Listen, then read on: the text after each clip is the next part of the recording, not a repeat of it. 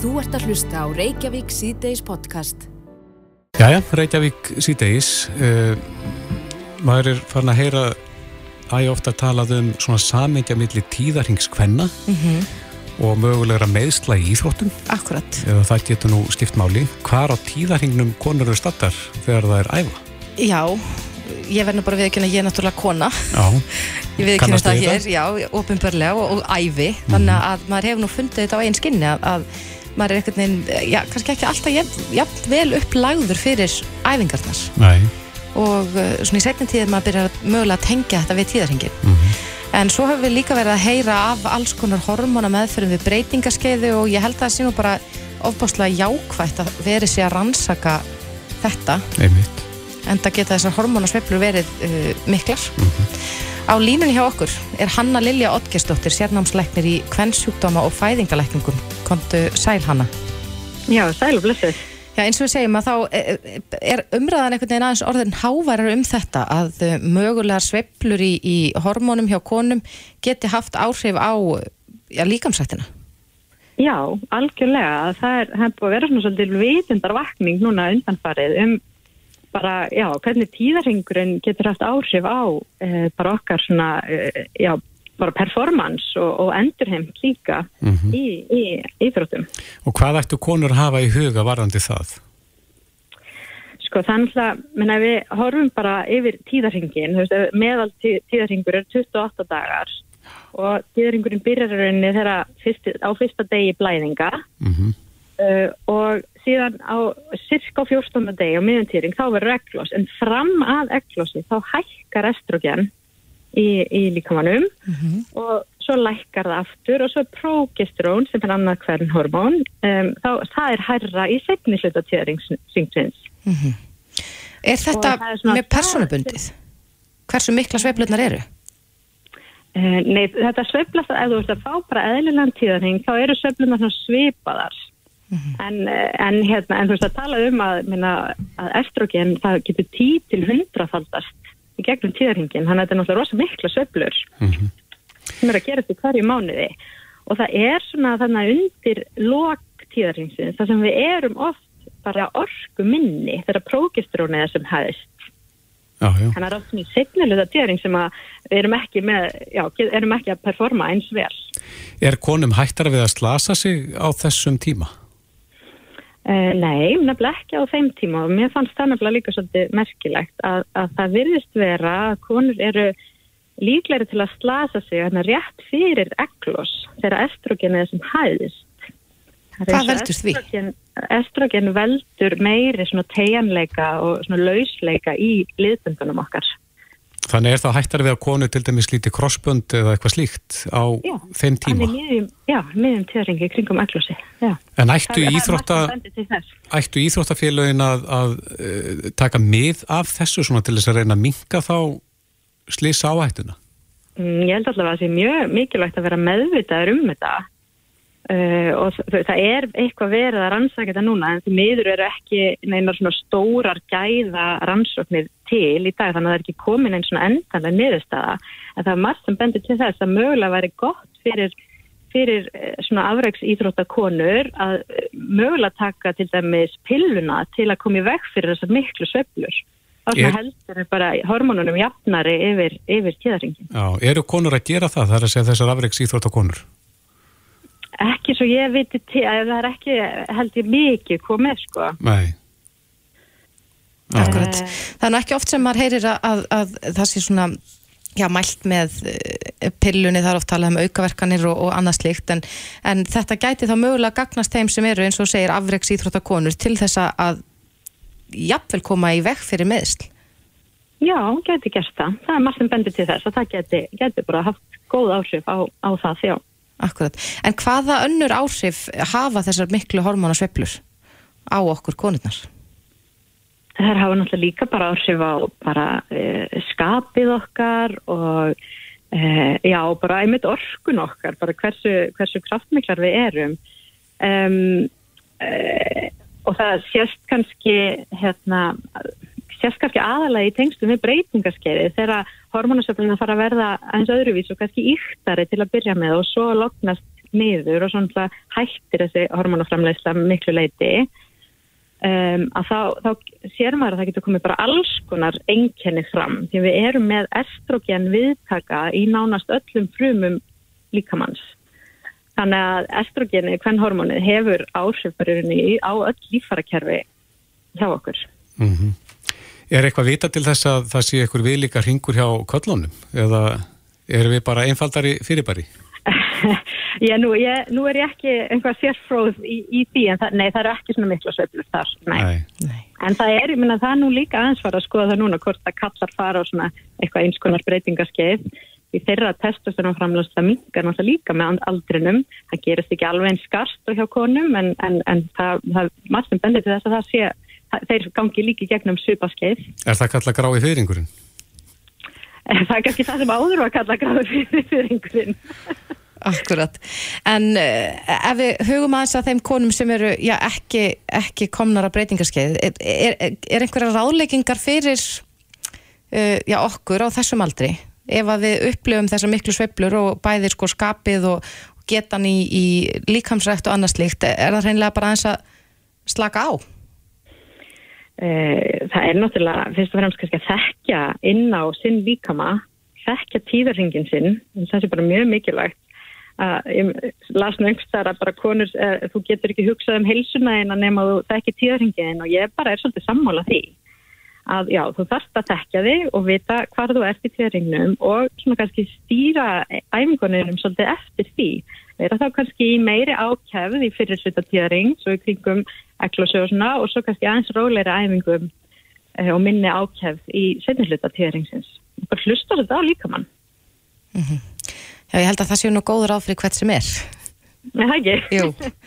ég held að. Já, þetta er áhugavert. En, en eh, hver ætla sé ástæðan fyrir því að sé verið að, að rannsaka þetta svona eh, í auknum mæli?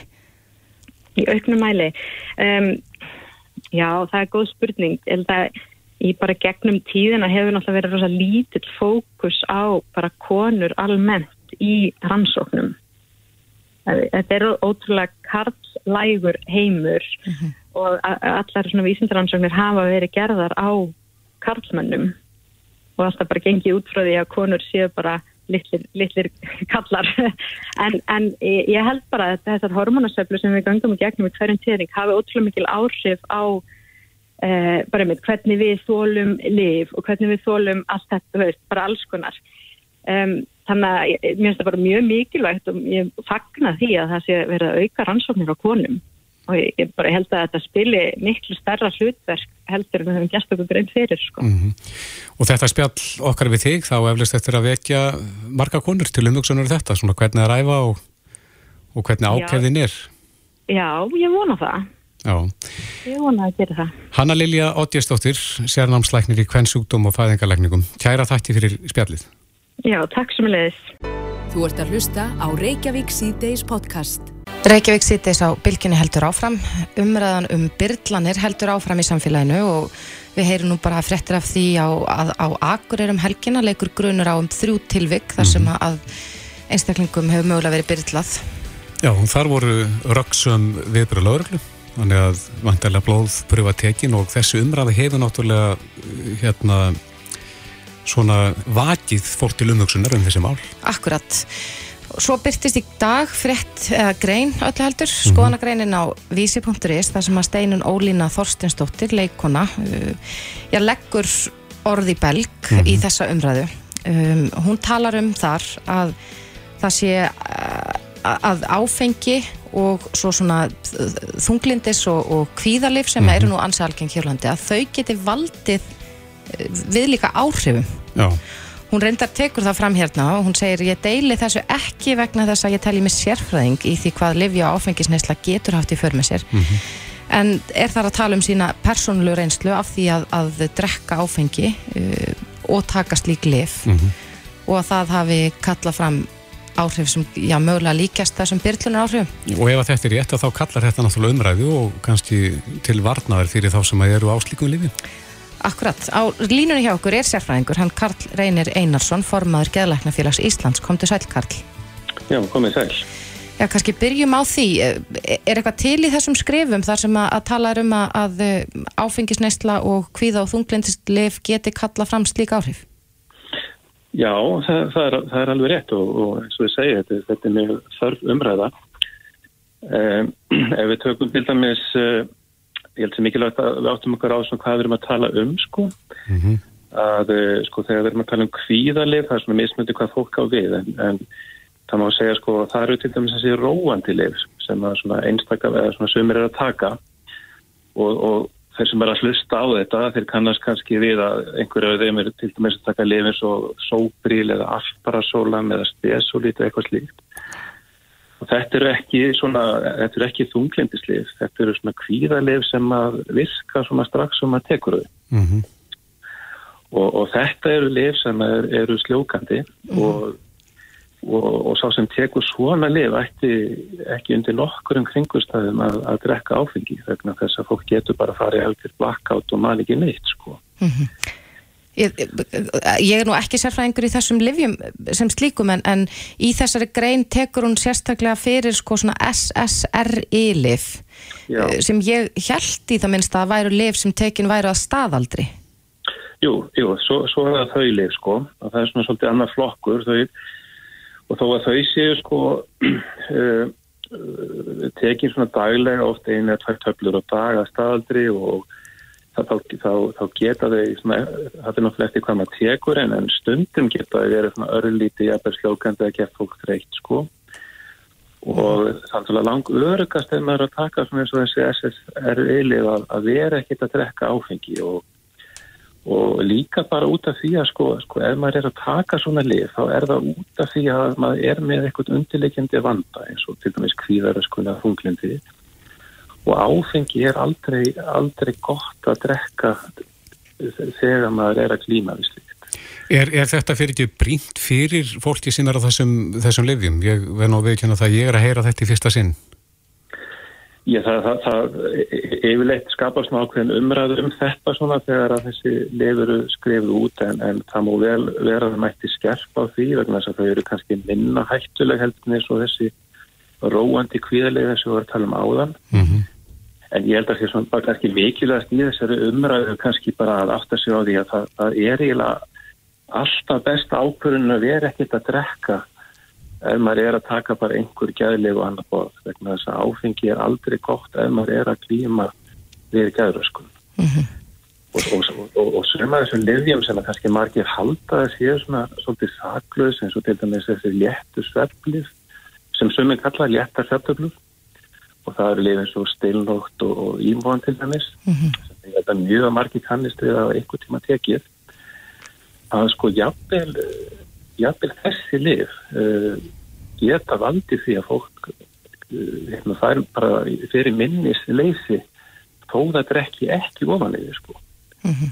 og ég, ég hef til dæmis bara hérna heirt uh, marga seginni frá því að það kannski tekið svona þess að tala verið létt sættabla farið háttinn og vakna daginn eftir og fengið svo frettir af því að, að, að við að hafa bara verið að ringi í fólk og, og gera eitt og annað sem við komum til mann ekki testi sko. Mm -hmm. Þannig að þetta eru varasum að það byrja viljengu fyrir því. Akkurat. Uh, ég er nú ekki þeirra skoðunar að það, þetta eru auðvitað mjög þarf umræða að, að tala um vegna þess að við höfum heist fréttir að því að við séum að slá einhvers konar heimsmet í nótkun á hvið og þunglinslífum en, en nú hafa fjölmarkir stigið fram að undarförnu og sagt frá sínum raunum varðandi mögulegar byrlanir. Uh, við erum að tala um fjöldan allan af tilvikum. Telur þú að það geti verið að að rekja öll þessi tilvik til já, áfengis og, og, og uh, kvíðalefja?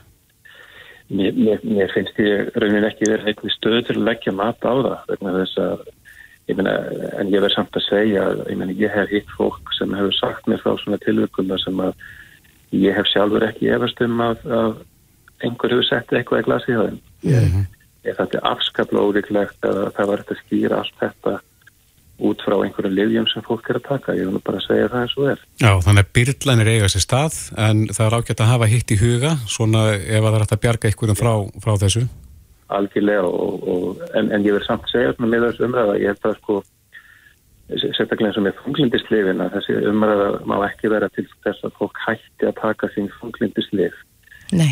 En all, all, alls ekki sko en, en bara fólk verður að fara varlega. En alls ekki taka, alls ekki drekka áfengi ofan í þessi róandi lif eða, eða, eða svepptöflur eða eitthvað slíkt sko.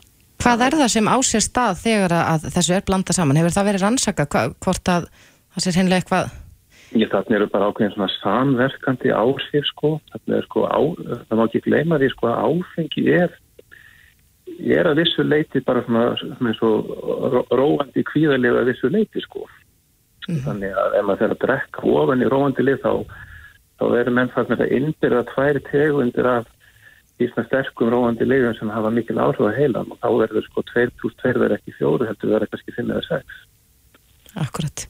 Já, þetta er þörf áminning. Eh, Karl Reynir Einarsson, formadur Geðleiknafélags Íslands. Takk kærlega fyrir þetta. Já, takk fyrir þetta. Er Reykjavík C-Days podcast. Reykjavík síðdeis heldur áfram. Hefur þú tímann heist um skuggavinnu? Ég heyrði þetta orð fyrst í dag. Mm En Ég líka. eh, hvað er skuggavinna? Já, við ætlum að reyna að komast að því en hérna árið 2015 kom út bók eh, sem heitir sko Shadow Work eða skuggavinna The Unpaid Unseen Jobs That Fill Your Day þannig að þarna er verið að tala um að skuggavinnan sérinn verið það sem að, tekur allan tíman af okkur og við leitum á náðir sérfræðings í þessum efnum og það er hún Ingrid Kúlmann leiðbennandi og ráðgjafi hjá þekkingarmiðlun sem er á línunni, komdu sæl Ingrid Komið sæl og blessuð. Byrjum á því, hvað er skuggavinna? Já, skuggavinna er eiginlega þessi vinna sem við sinnum eftir höfbundin vinnutíma og þetta er svona verkefni eins og þú nefndir sem eru ósýnileg, þau eru ólaunuð, fylla daginn og við tökum ofta ekki eftir í að við erum að sinna þessum verkefnum og það er bara eitt dæmi í gamla daga þegar við vorum að fara til útlanda að þá leitum við til förðvanskeistofu sem sáum að finna flug og bílalegu bíl og hótel og svo framvegs En nú gefum við þetta bara allt sjálf. Við setjum kannski nokkuð kvöld og erum að, að googla og notum dúhopp og, og aðra síður og svo þegar við erum búin að finna hagstaðista flugi þá þurfum við að finna bílalegu bíl og hótel og svo þegar við mætum á flugur við þurfum þetta fyrst að innrita okkur heima á netinu og svo mætum við á, á, á, á flugullin og þar þurfum við að innrita töskurnar. Þannig við sjáum bara allt um þetta sjálf. Það er svolítið þessi sjálfvirkni væðing sem hefur átt sér stað. Við tökum okkar í bensín, fáum ekki lengur þjónustu og þetta er á mörgum sviðum og við erum svolítið að skipta á milli hlutverka. Við breytumst bara heima hjá okkar til dæmis úr maka í gjaldkera, við sjáum um öll okkar bankamál, við erum öll bankastjóran, við skiptum úr hlutverki fóreldris í starfsmann, uh, stærðvanskeistofu uh, og þetta er auðvitað að vissuleiti gott, þetta gefur okkur sjálfræði við getum sinnt þessum hlutverkum á þeim tíma sem hendar okkur. Ef við áttum okkur ekki á því hvað þetta er farið að taka mikinn tíma. Og bara þetta nýjasta núna sem er að koma sem að til dæmis krónan kallar skundað og, og skannað það er bara í raun vinna sem við tökum sem einhver annar sindi við þurfum þá að skanna vörðnar, setja í pókams og löpum bara út. En, en þetta er auðvitað bara vinna sem við erum farin að taka af öðrum. En græðu við á þessu? Erum við að fá greitt fyrir þessa vinnu? Nei, nei, þetta eru ólaunum störf og þetta eru auðvitað störf sem hafa verið staðar mjög lengi. Við hugsaum bara um IKEA til dæmis. Það er náttúrulega frábært dæmi. Við skoðum fyrst vörðnar á netinu, þurfum síðan að fara á staðin, fara á einhvern lager til að sækja vörðnar, fara á sjálfsafgæðslukassa, flytja vörðnar heim og setja síðan ósamsett húsgöfni saman líka. Þannig að þetta er svona, þeir taka þetta auðvitað alla leið. En væri við að borga meira fyrir þetta ef þetta væri gert fyrir okkur?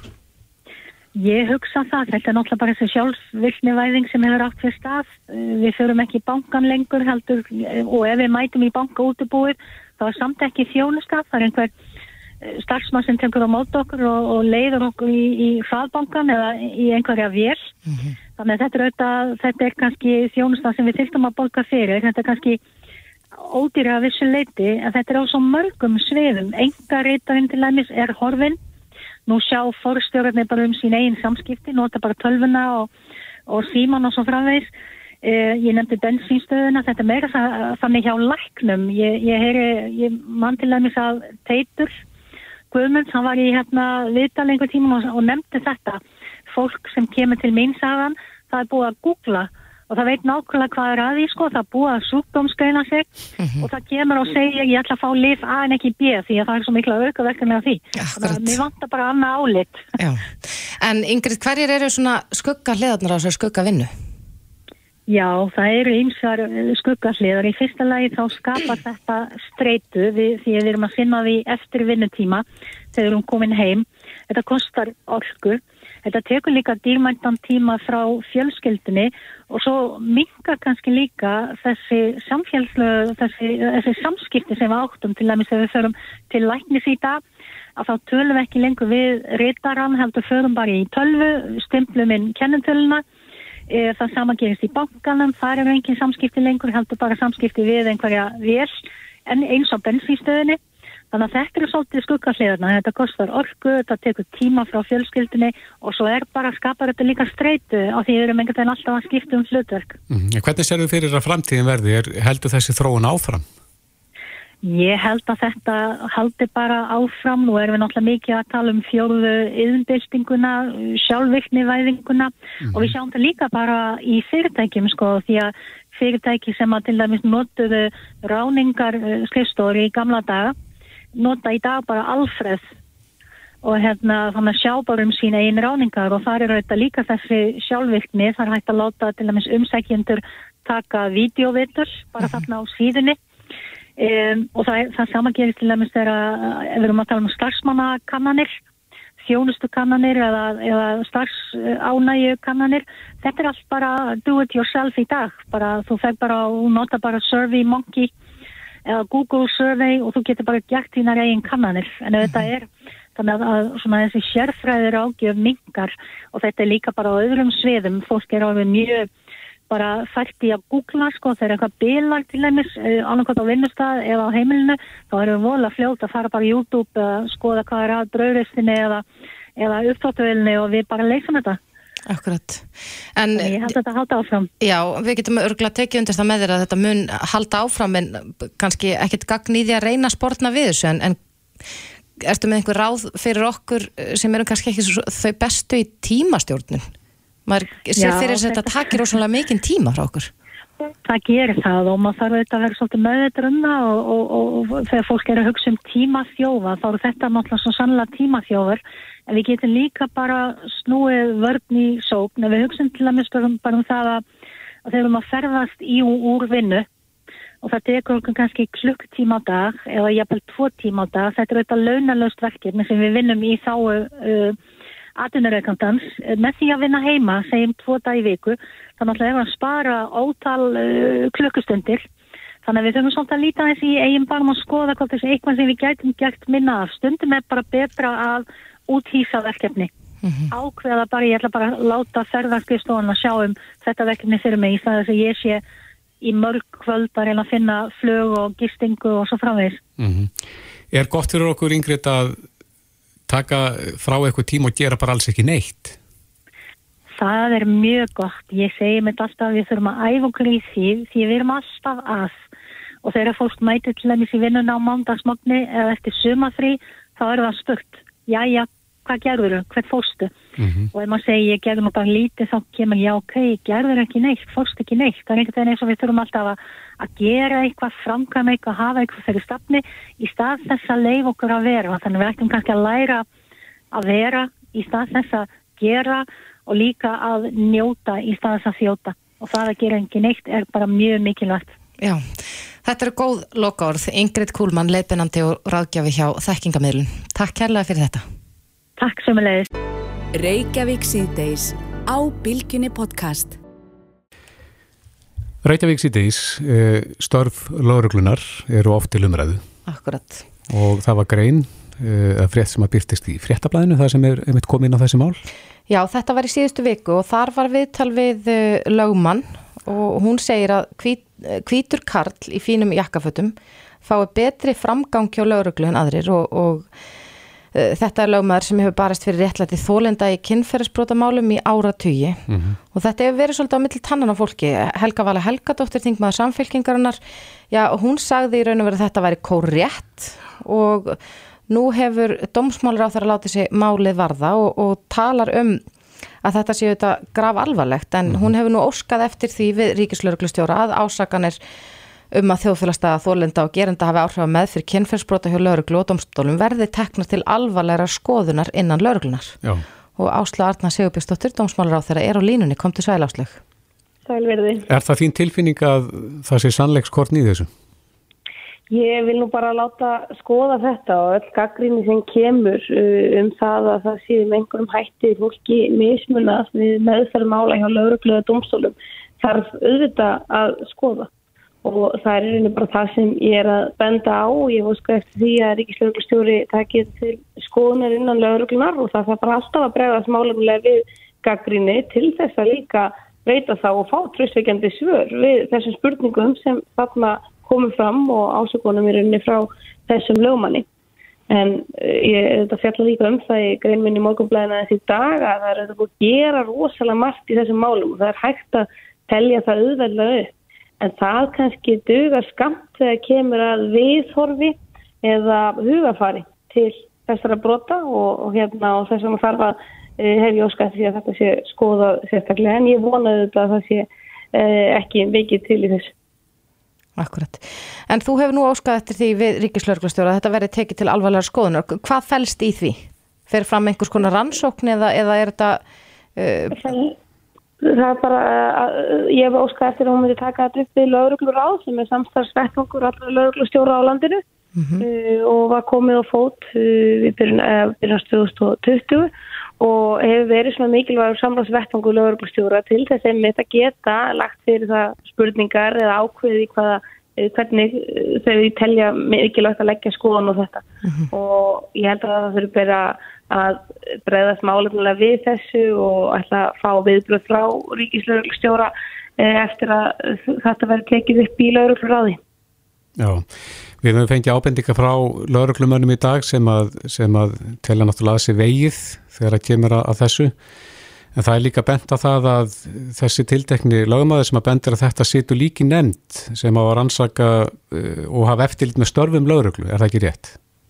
Jú, það er, það er rétt en sama hvaðan ásann að koma þá það bara að taka þeim alvarlega. Með því er maður að segja uh, að þær séu til staðar eða maður haldi að þær séu sannar endilega. Heldur en maður er myndið að segja að bara það dugir ekkert að hunsa eða hafna bara allri gaggrinni bara frekar á að taka hana til umræðu og, og hérna, tryggja það að hugafar fylgi þeim breytingum sem verið hefur verið að gera meðal annars í meðferðmála uh, í kynfyrsbótamálum og ég hef fulla trú á því að það sé uh, bara algjörlega langt flestir lauruglumenn með það hugafar á réttum stað. Og ég vona það einilega að það séu hérna allir.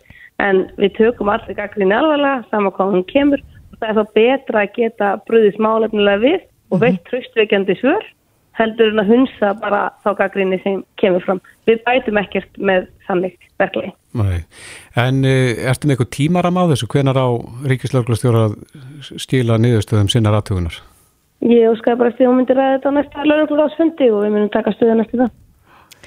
Akkurat, þú, þú talar hérna um í, í greinin sem þú skrifaðir að, að þið hafið auðvitað eitt miklum fjármunum í að, að bæta málsmeðferð, ebla eh, gagflæði, rafrænt gagnaflæði og, og fleira í þeim dúr en síðan berast líka fréttir af hálgeri teppu fyrir, fyrir uh, landsrétti. Uh, já, dómum hefur þetta og málum, ábeldismálum, kynferðsfótumálum hefur bara fjölgað verulega undan að fara þetta mánuði og það var nú hérna eftir þá fjölgur sem verið hefði árin áður og, og þessu þarfum við þetta bara að halda áfram að breyðast við hefum verið að fjölga rannsakandum og fólki í kynferðsbútadeildum og, og hérna og reynduðu þetta að saða málsmeðferðum hjá dómstólum en við hefum nú fengið sérstakar tilugur um sakamála lögjöfina og málsmeðferðartíma og þurfum að ráðast ennfengar í úrbætur til þess að hafa öllum málum í því, í því kerfi. Mm -hmm. Þú segir að þessum málum hafi fjölga mikið upp á síkasti, hvað heldur að valdi því? Uh, vonandi auðvitað einhverju leiti er það að fólk sé frekar að tilkynna um þessi málin áður mm -hmm. um, en auðvitað hallast maður auðvitað líka því að opeldsmálum hafi því meður fjölgað vegna uh, COVID. Hefur, hefur það komið til skoðunar að rannsaka já, ástæðunar að baki þessari fjölgun? Sagt, hvort, hvort sé raunin að ofbeldismálum sé að fjölga eða hvort að hennilega fleiri fari með sín mál fyrir uh, domstóla?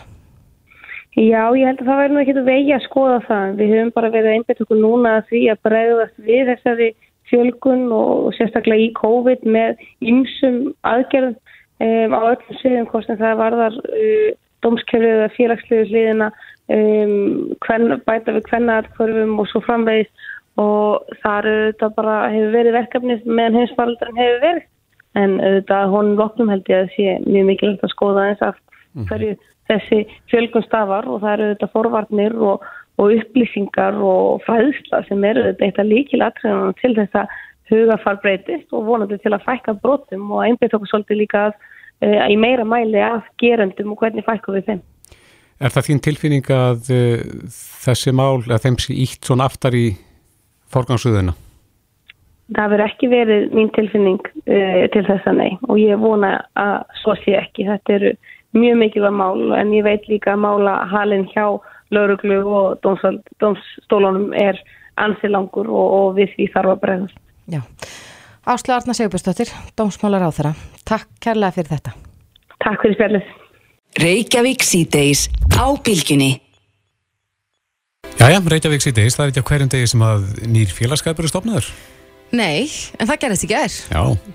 Þarna var, uh, fór fram stoppfundur atvinnufélagsins og ég held að, að sko, ég hef lengi fylst, fylst með þjóðfélagsumræðinni en lítil og meðalstór fyrirtæki mm -hmm. eru mjög hávær núna Já. og kannski ekki ástæðu lausu en það var þetta nýstofna atvinnufélag stopnað fyrir uh, lítil og meðalstór fyrirtæki Sigmar Viljámsson, nýtjörinn formaði félagsins er á línunni, kom til sæl Já, sælum við Hvernig voru heimtur? Eru, eru margi stoppfélagar? Já, sko, nú er það þannig að, að, að það er alls margi búin að skást til leiks og, og við erum svona bara að, að stíga þessi fyrstu skrif. Eh, þannig að já, við, við erum að fara að senda út, í raunin eru lög fyrir að þannig að þú þetta greiða árgjöldin til þetta mögulega skráður, mm -hmm. en, hérna, en, en það munum við gera næstu dögum og vikum, þannig að þetta er svona ekki, við erum ekki að tjálta leitna nætur. Nei. En, en Við heyrum það hins vegar alveg að það er gríðalur áhuga á þessu máli og við gerðum könnun, svo það sé sagt, áður en við fórum alveg á stað með þetta og gerðum við könnun í júni með hérna, 1150 fyrirtæki, 18 reynda mm -hmm. og svarflutandið var 51%, 585 fyrirtæki sem svörði og það var 68% þeirra sem töldu þörf á þessu fjölaði. Þannig að við vorum smekkja renna blind í sjóum með þetta. Mm -hmm. En hvað, hvað þurftir að svona slumpa, hvað heldur að mörg fyrirtæki muni taka þátt í þessu með ykkur? Sko, ég, þetta eru 17.000 fyrirtæki á Íslandi. Þetta eru 99,6% allra fyrirtæki á Íslandi eru lítið og meðastór. Mm -hmm. Og, og langstæsti hluti þessara fyrirtækja er ekki innan neittna fjölaða og í ljósi þess að þau eru ekki í neinu félagi þá berðum samt að lúta kjæransanningum samtak aðrunarins og um þetta snýst eitt af málunum, eitt af þreymur stólumálunum að aðrunarreikundur vita þetta ekki alveg það er bara þannig og veit ekki alveg hvernig þetta virkar og hugsa bara að það er eitthvað annars sem sér um þetta en, en hérna þannig ég á bara að vona því að þetta verði ansi stór hópur og ég sagt að segja einlegna minni trúi því að á næstu mánuðum þá verður þetta stærsta aðunlýs. Mm -hmm. En nú hafa aðilar, stórir aðilar innan aðunlýsins talað um að, að það verði ekkert sami við ykkur, að það sé nóg að semja við samtök aðunlýsins. Já, já, þeir segja það núna og ég hef engar áhengjur á því.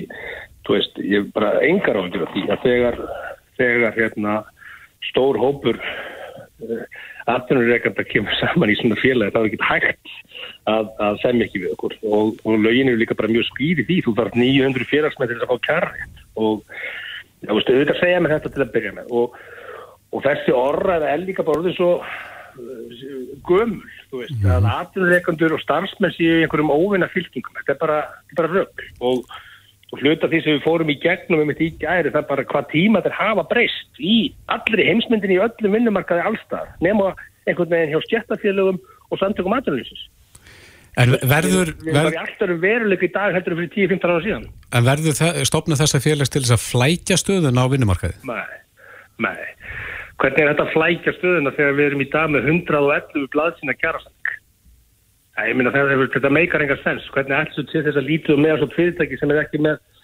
með fólk á, á öllum sviðum eins og megnaði fyrirtækjunum er eigi að geta, geta farið í gegnum þetta og þú ert með heila deild innan vaffverð að tólka sína eigin veist, við erum bara komin alveg til því að við sjálf okkur þegar við erum að vinna með svona umhverfi og hérna og þetta er ekki svona flókið. Þannig að sko bara ef við horfum í kringum ykkur, ég meina hvað er að gerast í heiminum uh, á síðustunum árum. Stærsta leigufyrirtæki heimi á að gena fastegn, Airbnb. Stærsta leigubílafyrirtæki heimi á að gena leigubíl sem er Uber. Uh, Stærsta vestlunarkæðja í heimi á að gena vöru, bara lagarhús sem heitir Amazon. Þú Veist, hérna, við, veist, við erum bara í allt öðru atvinnu umhverju heldur en kjarasamningar hveð áum. Við erum með heila yðungrein sem heitir ferðarþjónustan á Íslandi sem var ekki til fyrir bara nokkrum árum síðan og er í dag orðin stærri sjávarútvöður og það er ekki vinnutíminn 8 til 4. Þú veist, við verðum að horfast í augu við hvað er að gerast á þessu markaði og við verðum að vera tilbúin að horfast í augu við það að hlutinni breytast. Það er ekki að hlutinni þurfa að vera verri fyrir starfsmenn, bara alls ekki. Nei, þið hafi verið að vinna að þessu í daggóðan tíma, við höfum nú heyrst í þér áður um þetta, en uh, finnur það á eigandum lítilla og meðalstóra fyrirtækja að það sé þörf á þessu félagi? Já, um leið og menn skilja út af hvað það gengur. Og það er stóri þörskuldurinn af því að ég við kynni það alveg búin að vera í rekstri í, í tölvöld mörg ár að það er ekkit langt sem ég skildi hvernig bara essa virkar. Og því ég skildi það þá áttaði maður að þetta er ekki að virka fyrir þessa starra fyrirtækjum og um leið og ég skildi það þá, þá varpar það ljósi á aðra þætti að samtök aðrunum sér góð samtök. Uh, lít, uh, meðalstór fyrirtæki á Íslandi í dag voru í gamla daga stór fyrirtæki. Það sem gerði síðan var það að það örðu til hérna megafyrirtæki. Og þetta með stór, stór, stór fyrirtæki sem voru ekki til fyrir 15, 10-15 ára síðan.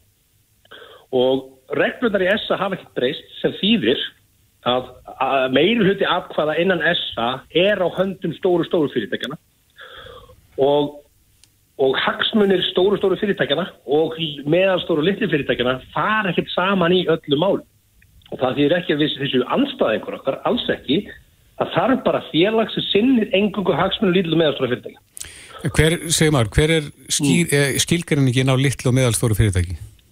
Já, það er einmitt síðan annað að evróska, hérna, Evrópa skilgrinni með, meðalstór fyrirtæki 250 manna fyrirtæki sem við á Íslandi myndum segja að vera mjög stórt. Við höfum svona talað um að þetta sé cirka í kringum 150 manns og neður Mm -hmm. en, en, en punkturinn er einmitt sá að, að það fer svolítið eftir eðli starfseminar og þegar við tölum um kjaramál og við tölum núna um verkefnisæfingun og annað lítil og meðalstof fyrirtæki, hvað eru þau í langfærstum tilfellum að gera? Þau eru að þjónusta viðskiptavinni sem eru lönnfell á Ísland, hvað markaði. Þannig að við stöndum miklu nær stjættafélagunum og verkefnisfélagunum heldur en stóra fyrirtæki sem eru að sinna útflutningi og útrungsskreinu. Þannig að það er meira hagsmunamál fyrir lítil og meðalstof fyrirtæki að kaupmáttur lægsta launa aukist. Og hvernig getum við náð því saman hönd í hönd, jú, með því að horfa til hins og hvernig er því hátt að þar?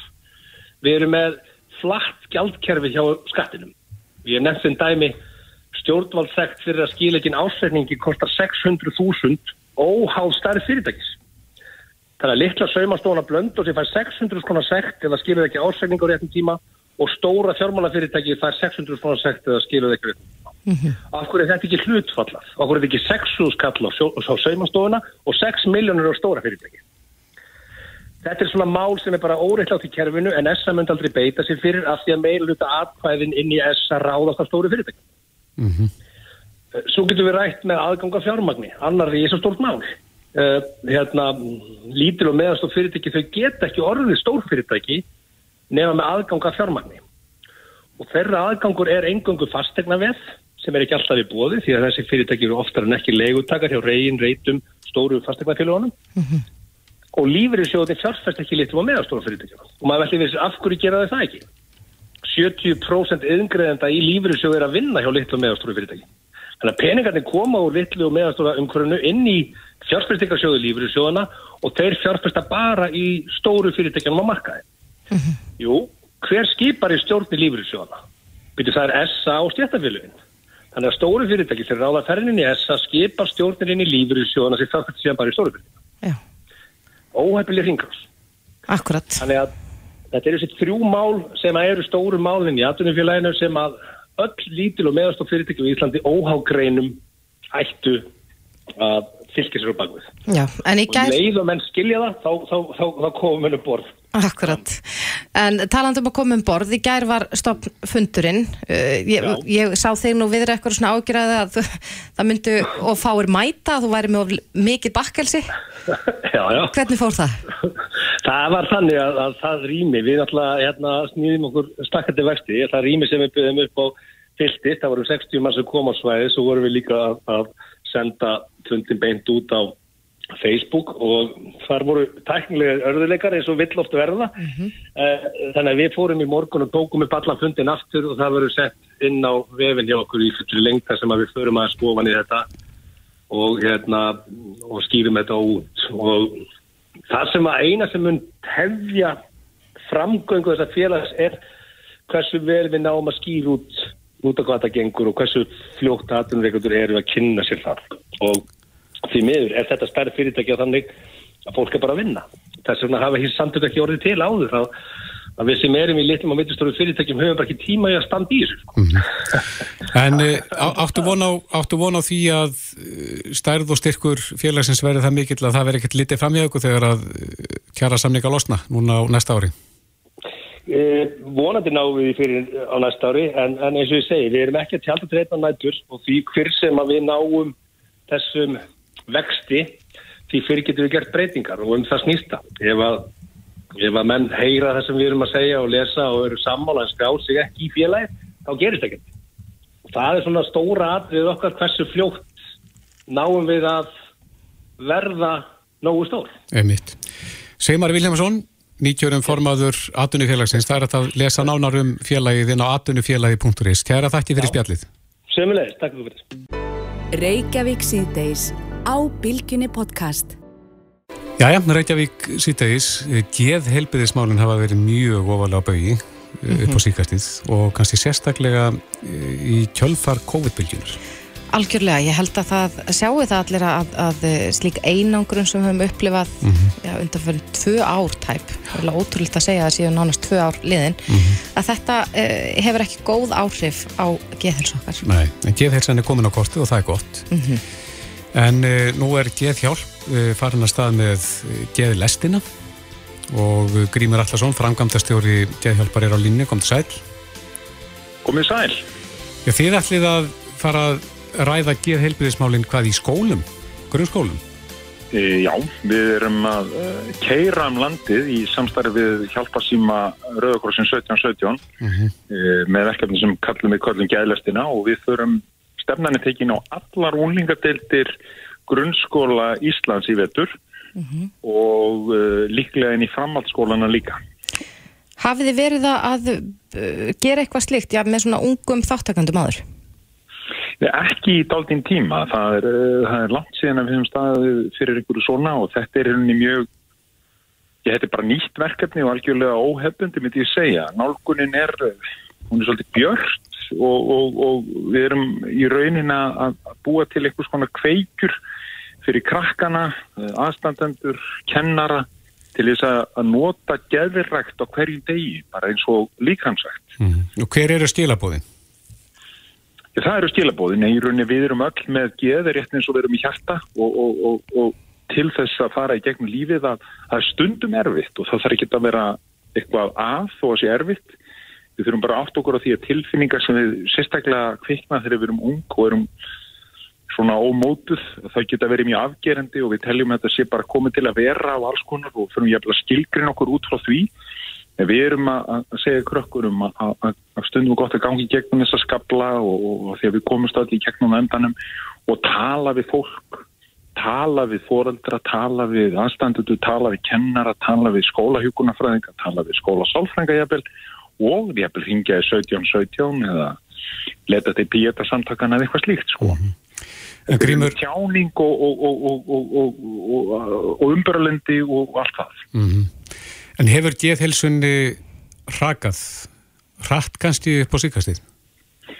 Það er alveg ljóst og það var nú í rauninni talað um það í upphafi faraldusins að- og, og alþjóða helbyrðismálastofninu bent á það að, að geðhelsa væri kannski það sem við ættum að hafa helst í huga þegar að kemma þessum faraldri. Og þá vorum við að tala um fyrir tæflega tveimur árum, bara í mars fyrir, já, tæflega tveimur árum og þá kom þetta út að þetta væri það sem að ríki heimsins ætti að embeta sér að. Að því að það að, að, að, að loka og, og, og jafnvel eins og við höfum verið að gera opn og loka, opn og loka og alltaf með þessan þennan ótta yfir og það hefur áhrif á okkur þó við séum manns í snjölla aðlagast og allt það að þá finna það allir. Hvernig bara við öll og, og tala um krakkarnir okkar. Og það er kannski það sem við þurfum að hafa helst í huga. Hvernig getum við venda þau og, og, og hjálpa þeim að, hérna, fara í gegnum þetta og, að sjá því að þetta er ekki endalust og, það er ímislegt þetta að gera til þess að, komast í gegnum svona brekkur. Það hefur svona verið, já, talað um það uh, að börn í dag, já, að við fóreldrarnir séum að, að- að vernda börnin okkar um of, að, að maður þarf svolítið að kenna börnum að, að já, það mun vera mótlæti í lífinu, mótvindur má segja. Er, er þetta liður í því að, sína börnum að, að já, lífið er ekki alltaf dans á rósum og að það þurfi að ræða við aðra til þess að takast á við það? E, Já, meðal annars. Það er, það er þannig að við, sko, þegar ég var að, eða þegar við Kristófer vorum að alast upp, því að ég veit að hann er gammal og ég, að þá, að þá, hérna, að þá var þetta svolítið bara býta á í axlinn og við tölum ekki um þetta og við ræðum ekki um þetta. Svo breytist það yfir sem betur fer yfir í nútíman, þar sem að við erum svolítið opnaðri fyrir hlutum, en við meðum kannski líka vera svona í miðjunni og einmitt fara í gegnum skaplana, taka brekkurnar og þú veist, og ekki endilega sjúkdómsgera þeir, ekki endilega segja að það sé allt búið og þó að eitthvað blása á móti og við erum, jú, að segja það og við erum að bóða það. En hvernig fer fræðslan fram? Ég rak augun í það en á síðunni hjá uh, geðlestinni að, að þarna eru einstaklingar að segja frá sinni lífsreynslu og það getur verið mikilvægt fyrir foreldra að mögulega halda samræðinu, uh, samræðinum áfram eftir að, að fræðslu, fræðslunni líkur. Já, þetta er þannig að við komum inn í skólana og erum svona kynnum það sem við erum að gera, það eru við og, og 17-17 sem er hjálparsými sem er bara mjög gott að tala við, bara gott að fá ráð og ýmslega annað. Eh, Síðan er ungmannistja, Katla Ómarsdóttir núna, þessa vikuna, sem segir sögur sín og reynslu sína, hvernig þetta var, hvað gerðist og hvernig hlutnir í dag. Það er svo mikilvægt líka að sjá að það er alltaf ljós í endan og svo gerist bara eitthvað gott og frábært en maður er búin að fara í gegnum kannski mjög erfið og síðan endur við fræðsluna á, á tónleikum með MC Gauta. Er svona til að líka bara tengja það, það sé bara geð og, og sköpun og, og, og gleði, það bara fer helst í hendur, en það er rétt hjá þér að við erum vonast til þess og það er það sem við erum að reyna að, að bæði forráðamenn og ekki síður líka kennarar að þeir nýti sér það efni sem við erum með þarna á síðunni til þess að ræða við krakkana áfram og það er þetta mjög mikilvægt því að það gerist ekki á 50 mínútum í skólastofu þetta er eitthvað sem að þarf að gerast á hverjum degi og við þurfum að endur taka það og fóræðra okkar og forráðamenn þurfum að gera það með okkur og við þurfum að gera þetta með krökkunum Og það er að finna nánar upplýsingar um uh, þessa lest inni á geðlestin.is eða ekki? Jú, Glæsilegt. Grímur Allarsson, frangatastjóri í Geðhjálpar, við segjum bara gangi ykkur vel með þetta verkefni. Takk. bara takk kærlega fyrir að tala við mig Hlustaðu hvena sem er á Reykjavík C-Days podcast. Jæja, uh, stóru fréttinnar af lofslagsmálum koma frá Glasgow þessa dagana. Já, þar fer fram þessi eh, rosalega stóra ráðstefna. Mhm. COP26, á maður að segja það? COP26. Er það ekki? En, En- þetta er loftslagsráðstefna saminnið þjóna í Glasgow. Og fjölmarkir sem hafa búið að koma sinna þangað meðal annars 60 manna sendinum frá Íslandi eða ekki? Jú, akkurat. Sem að sumir hafa reynda sett út á og finnst þetta svolítið vel í lagt. Mhm. En þetta er stóra ástefna. En, en það var eh, félagskapur sem var stopnaður í kringum uh, fundin sem var haldin í París á sínu tíma og uh, hann fekk heitið París 1,5 Mhm. sem að vísa til uh, hittastiksins. Akkurat. En á línunni er Eithór Edvarsson hjá París 1,5, komdu sæl. Já, blessaður. Já, þú fylgist uh, grant með, er það ekki því sem framfyrir þarna í Glasgow? Já, maður svona eftir að sjá hvað verður úr þessu, en maður vissulega fylgist maður með, það er mikið undir. það er bara svo óvurlega mikið undir að það takist hjá þeim að þarna þannig að, að, að bílinn ótt í mannum maður er svona stutt í að maður, maður svarsýtt Akkurat, en, en stóra markmið þarna er það ekki að ríkin ætla að ræða það hvernig hægt sé að ná markmiðum Parísasamkomlagsins Já. Leggja spilin á borðið. leggja spilin á borðu og þarf að eiga sér stað virkilega einlægt og hreinskilið samtalatna því að það er fyrirallan sem er lögð upp með, með Paris 1,5 markmiðinu hafi ekki gengið eftir og við erum bara með allt í skrúin eins og sagt er. Þetta, þetta er bara ekki á réttir leið og, og ríki heims hafi ekki tekið hennar bolta og ekki íslenska ríkistjóðin heldur þannig að við erum öll einhvern veginn langt og eftir og þetta stefnir bara óðfluga upp og, og það besta sem getur komið út úr þessar ástefnu að minn áttu þess aður sko að það þýðir ekkert að vera ykkur og tala eitthvað fallegt og, þykast alltaf að gera eitthvað og gera síðan ekkert því þetta er unni síðastar ástefna sem við höfum til þess að geta snúið þessu við Já. en, en þú talar um að, já, það sé lítið að gerast bæði hér og annar staðar hvað veldur því? Er fólk hreinlega ekki að taka þessu nú alvarlega eða hvað, hvað spilar inn í? Úf, þetta er þarna stór spurningin en náttúrulega stærðið þess að vandamális er slíka að þetta þarf að gerast á ríkistjórnar level og niður. Og þar hafa minn ekki við að taka boltan það verður bara, segist eins og verður bara með heim allan, við erum enn að auka losunna og Ísland þar með talinn þannig við þurfum svolítið að skerpa á því og stærstu forgangsmálum þurfa að vera í forgangi, en þau eru það ekki. Við erum ekkert að tala um loftlagsmál eins og ættu að vera að gera þetta Nei. við erum ekkert að meðla þetta mál eins og, eins og, eins og krísu sem þetta, sem þetta raunverulega er Eru öll, að stefna í handarir eru öll ríkin á tósalista þegar það kemur að þessu? Já, ég held að það sé ekkert ríki sem að fá virkilega svona, flott einhvern úr þessu. En við erum öll í á sambátnum, þannig að við sökkum öll á, ef, ef, ef þetta fer illa, það er bara, það er svoleiðis. Mm En við, við, erum, við erum ekki að okkur, bara eiginlega ekkert ríki heims. Við erum komið mismundir langt, en, en, en hann vel gengur þetta ekki. Við opnaðum fyrir síman hérna á hann og þá uh, var eitt sem að ringt inn og hann gaggrindi þennan fjölda Íslendinga sem að leggur leysin á þessar ástefnu. Er, er, er hægt að réttlæta þennan fjölda? Já, þetta er svona smá peningar það verður alltaf verið að poti þetta sko sem margir að koma enga flöður og svo framvegist þetta, þetta er bara fórtangostan að því ætlar að fá þjóða leitu heimsins og valda mesta fólk heimsins saman þá er þetta fólk bara að ferðast á fótum og vil fara rætt yfir en þetta er ekki stóru tölunar sem við ættum að poti í. Er þetta bara drópi í hafið eða hvað? Þetta er bara drópi í hafið og kannski auðvitað í þessu. Ef þetta fólk nær saman og ef við náum einhvern takt í þessu þá er þetta, skiptir þetta lengumáli en náttúrulega við, ef við ætlum að láta þetta fólk fara með skipi yfir eða seglbótum eitthvað flytt, þá tækir þetta fleiri mánuði. Þannig að það þarf bara, það þarf að vinnast fólk þarf að hittast, fólk þarf að gera þetta auðvitað auðvitis, mikið af þessu fundum gerast á göngunum sem er svona að spjalla auðvitað auðvitis og hvað ætlar þú að gera hvernig ég á að gera þetta mér finnir svolítið pressun á bakvið. Þetta er ekki svona fundað sem að gerast allt einhvern veginn í beitni það eru kvöldverðir og það eru hlýðarfundir og það er að gera svolítið kaupinu verðinni og þannig þetta fólk verður að hittast. Og maður verður bara að horfa á þannig að þetta er bara fórtankostan að því að fá þetta fólk saman til þess að ná eitthvað skonar samkomlagi um að fara að gera eitthvað sem er stærsta. Og það fara ná tökum á efnaðsflæði heimsins í hverju að verja stóru peningunum.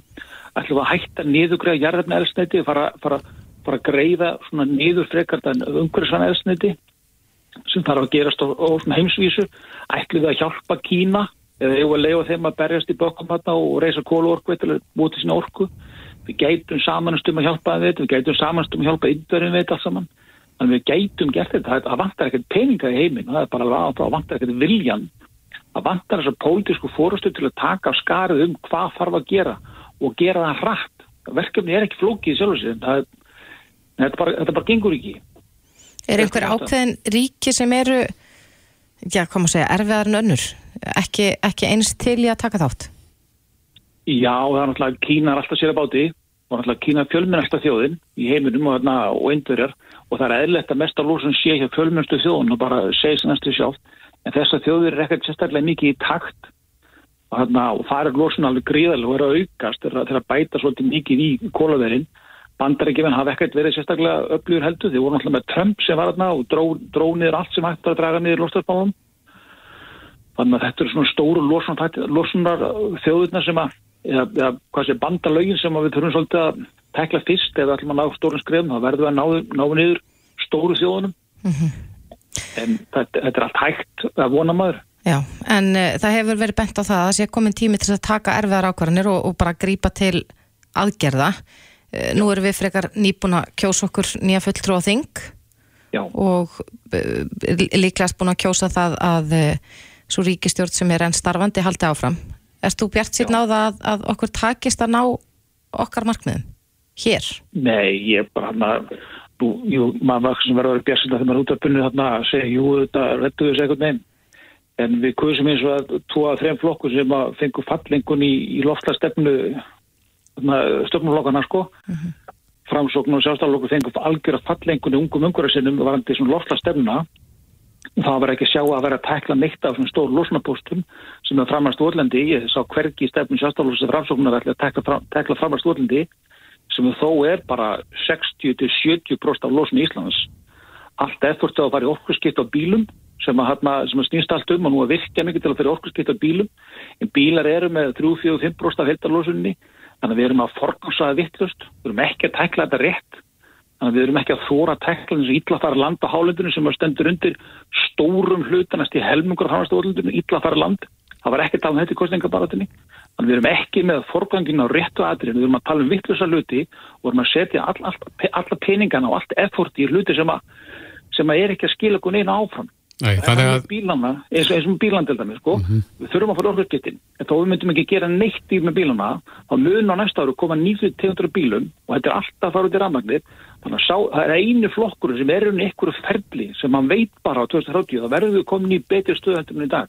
En með hérna flokkuna þá fara bara átak bara aðgerðin það er að klára þetta mjög hratt ef að viljið fyrir hendi. Já, þannig að það sem skiptir mestumáli hér á Íslandi að þínum að Já, bara að ná vatninu aftur á mýrannar og stöðva þess að gigantísku losu sem kemur á framastu volandi, stöðva beit á yllaföndu landi og fyrir stórfælda langarslu. Það eru af þessum 18 miljónum sem Ísland losa, þekktur losun, þar koma hérna nýjur framastu volandi og fjóru til viðbótar á yllaföndu landi. Það eru 13 á þessum 18 bara úr þessum tveim flokkum. En hvað vantar mikið upp á? Til, til þess að ná þessu? Já. Hvað þarf, móka, hvað þarf að móka mikið ofan í marga skurði til þess að Þetta, þetta er slatti, við þarna, er að gera þetta á fjórum, fimm, sex árum eða virkilega viljið til hendi. Það fann að setja press á landegundu til þess að þarna, komast ekki upp með að gera ekki neitt í því.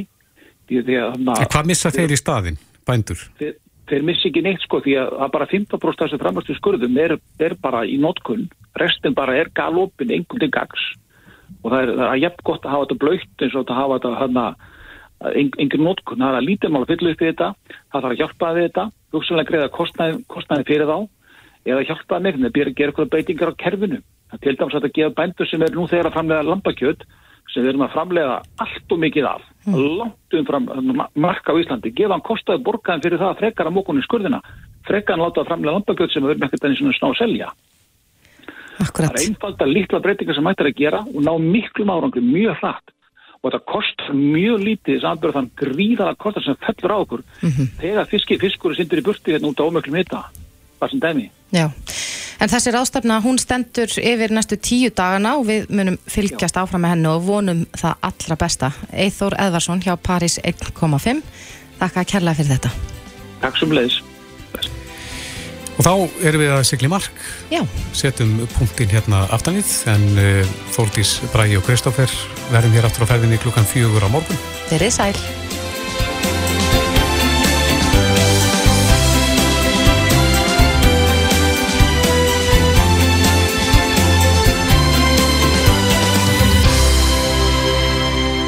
Vertu með í umræðunni. Reykjavík síðdeis á bylgjunni. Bylgjan. Jóla Playdays 15 til 30% afsláttur af Nike, Adidas, Puma, Champion já, af öllum vörum. Nú eru dagarnir til að klára jólagjafinnar Sport 24, Miðhraunni og Reykjanesbæ. Hei þú, bræðlugarnir hjá þér ringdu ykkur eru farinir á grillhúsið. Grillhúsið, þú veist þú vilt það. Rúðutjón.is er framrúðan brotinn Komdu til okkar og við skiptum um hana. Rúðutjón.is Viltu gefa umhverfisvæna gjöf sem sapnar ekki reiki? Með Óskarsgríni getur þú valið úr meir en 100 möguleikum. Óskarsgrín fæst í verslunum Penna Seymundsson, Hagkaups og á óskarsgrín.is. Þetta er Reykjavík C-Days podcast.